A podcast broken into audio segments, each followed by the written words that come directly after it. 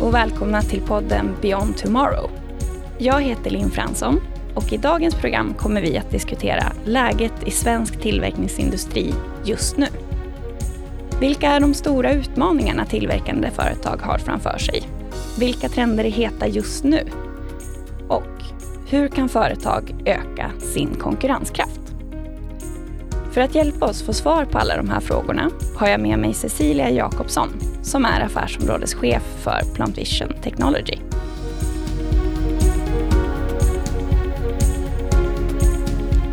Välkommen Cecilia! Vem är du och vad jobbar du med? Tack så mycket, jättekul att få vara med. Vårt affärsområde jobbar framförallt med digitalisering utav producerande industri. Och i min roll som affärsområdeschef har jag förmånen att träffa väldigt många utav våra kunder och få höra om deras utmaningar. Härligt! Eh, men vilka är då de vanligaste utmaningarna som våra kunder kommer med till oss idag?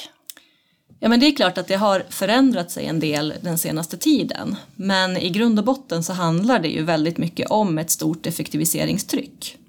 All producerande industri har ju höga krav på sig att bli allt effektivare i dagsläget. Sen vad det innebär i praktiken, det kan vara väldigt beroende på kund och bransch. Eh, inom diskret tillverkning handlar det väldigt mycket om planering och att kunna förutsäga eh, när och hur man kan leverera till kund. Framförallt idag efter, eh, efter den påverkan som pandemin har haft på våra varuflödeskedjor. Medan inom andra branscher så handlar det mer om att kunna styra sin produktion eller kunna hantera och lagra sina data. Eh, men någonting som, som är väldigt gemensamt för majoriteten av våra kunder det är att man, man är intresserad av att digitalisera. Men man vet inte riktigt var man ska börja. Eh, man har någon form av vision om den smarta fabriken. Men när man kommer ut och, och ska börja så blir det oftast en, en mängd separata initiativ utan en, en större helhet egentligen. Det är ju jätteintressant, men ser du att det finns andra utmaningar än de rent tekniska? Ja men det gör det absolut eh, och jag tror att det är också en bidragande orsak till varför vi ser att digitaliseringsprojekt ofta bara blir separata små initiativ.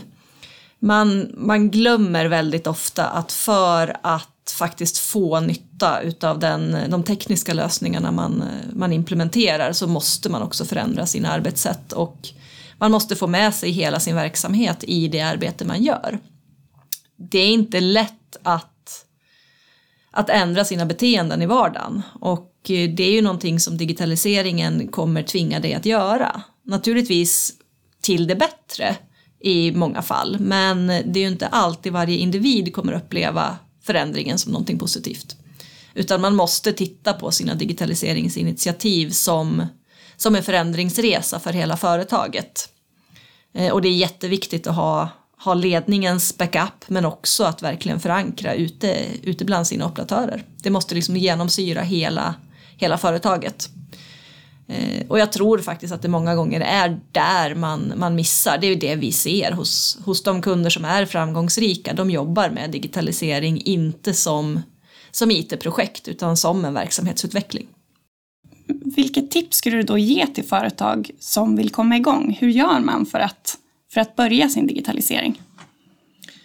Ja, men det vi upplever när vi kommer ut till våra kunder det är att man, man många gånger har en hel del lösningar på plats Eh, men man kanske inte riktigt nyttjar dem till dess fulla potential. Eh, och många gånger det som hindrar från att man gör det, det är ju dels att man inte har en, en samlad strategi. Men också att man kanske saknar några fundamentala bitar. Eh, det vi upplever är ofta att man saknar en, en gemensam datainsamling och datalagring.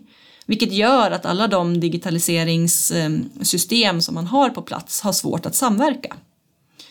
Så att många gånger så rekommenderar vi att man börjar från början och, och liksom lite grann fundera på vad är våra utmaningar och vad är det vi faktiskt vill uppnå med våran digitalisering. Istället för att börja många små initiativ, att man får en större bild. För det är någonting som jag upplever att man har man har svårt med i, i svensk industri idag. Och det är många gånger det som hindrar att man faktiskt får den här effektiviseringsboosten som ju är det som, som alla strävar efter. Eh, om vi tittar lite bredare då och eh, du som jobbar mycket med olika företag och digitalisering, hur skulle du säga att de stora trenderna ser ut idag? Men precis som vi var ute efter så har ju det här eh, förändrats en hel del kopplat till, till pandemin. Idag pratar man ju väldigt mycket om en högre tillgänglighet på allt ifrån sin, sin produktionsdata, att kunna se hur, hur går våra produktionslinjer när man sitter hemma och jobbar Eh, till att kunna jobba vidare med den typen av information och förbättra sin produktion men, men på distans. Eh, vi pratar också om att på ett, på ett bättre sätt kunna tillgängliggöra den informationen i, ut i produktionen. Sen har vi ju de senaste åren märkt hur otroligt sårbar våran supply chain är och våra materialflöden. Eh, och där kommer vi ju tillbaka till att det är en stor, ett stort fokus på planering idag. Att kunna planera och kanske framförallt omplanera din produktion beroende på vilka material du faktiskt har tillgängliga för tillfället. Men också vilken personal, för att det är ju inte bara våra våra varor vi är beroende av för att kunna ha en, en produktion igång utan även att det finns operatörer på plats och absolut just nu de här veckorna så är det ju jätteintressant att, att kunna driva en verksamhet med en, en kraftigt reducerad bemanningsstyrka. Och för det krävs en, en väldigt bra och flexibel produktionsplanering. Mm. Spännande. Eh, vad tror du kommer vara viktigt för att behålla och fortsätta vara konkurrenskraftig i framtiden? ja, men någonting som vi ser som, som de som, som jag upplever är, är väldigt effektiva just nu, de har ju också lyckats dra nytta utav kompetens oavsett geografisk plats. Och, och, för att kunna göra det så krävs det ju en, en hel del digitalisering och digitala arbetssätt. Inte bara digitalisering ute i produktionen utan också att man faktiskt kan samarbeta över geografiska avstånd. Och det tror jag är en, en global trend där vi måste bli mycket bättre på att nyttja den kompetens som finns oavsett var den finns. Men eh, generellt så handlar det ju om, om att kunna nyttja de resurser man har på ett, på ett väldigt smart sätt. Eh, vi ser ju att vi, många kunder blir mer och mer begränsade i allt ifrån vilken personal de har på plats till hur mycket energi man kan konsumera till vilka utsläpp man har möjlighet att släppa ut. Och att kunna maximera produktionsoutputen på de resurser man faktiskt har tillgängliga. Det kommer vara en stor nyckel eh, framöver. Mm. Ja, det är jättespännande att höra dig berätta om de här eh, trenderna framåt och utmaningar hos företag idag. Ehm, men för att summera lite grann det du har berättat Cecilia så förstår jag på dig att digitalisering kommer vara nödvändigt för att företagen ska kunna behålla sin konkurrenskraft framåt. Eh, och om jag förstod det rätt så beror också fokusområdena för digitaliseringen mycket på företagens egna utmaningar. Eh, det, är det, stämmer det med din? Ja men det stämmer jättebra och, jag tror att här man, man bör titta på trenderna på marknaden och man bör, man bör drömma stort. Eh, vi har jättemycket teknik tillgänglig och det är klart man ska ha en vision om att hamna där. Men man behöver också anpassa implementationen efter var, var man själv står och vilken utmaning jag har här och nu idag. Mm. Och sen också den här punkten som du nämnde kopplat till eh, att, att se digitalisering som en verksamhetsförändring eh, och ta med människorna i den förändringen. Ja men så är det ju, hur vi än vänder och vrider på, på digitalisering och system och ny teknik så, så handlar det ju om att man behöver göra en förändring i hur man, hur man jobbar eh, praktiskt varje dag. Är det någonting annat som du skulle vilja lyfta som vi har eh, missat att prata om?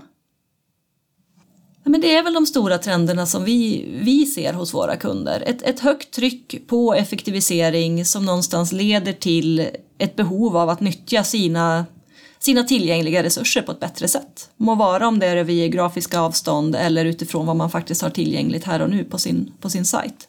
Och det i sin tur leder ett digitaliseringstryck i, egentligen inte bara i Sverige utan globalt också. Tack! Eh, stort tack för att du kom hit till podden Cecilia och delade med dig av trender och tips kopplat till digitalisering. Tack också till alla er lyssnare.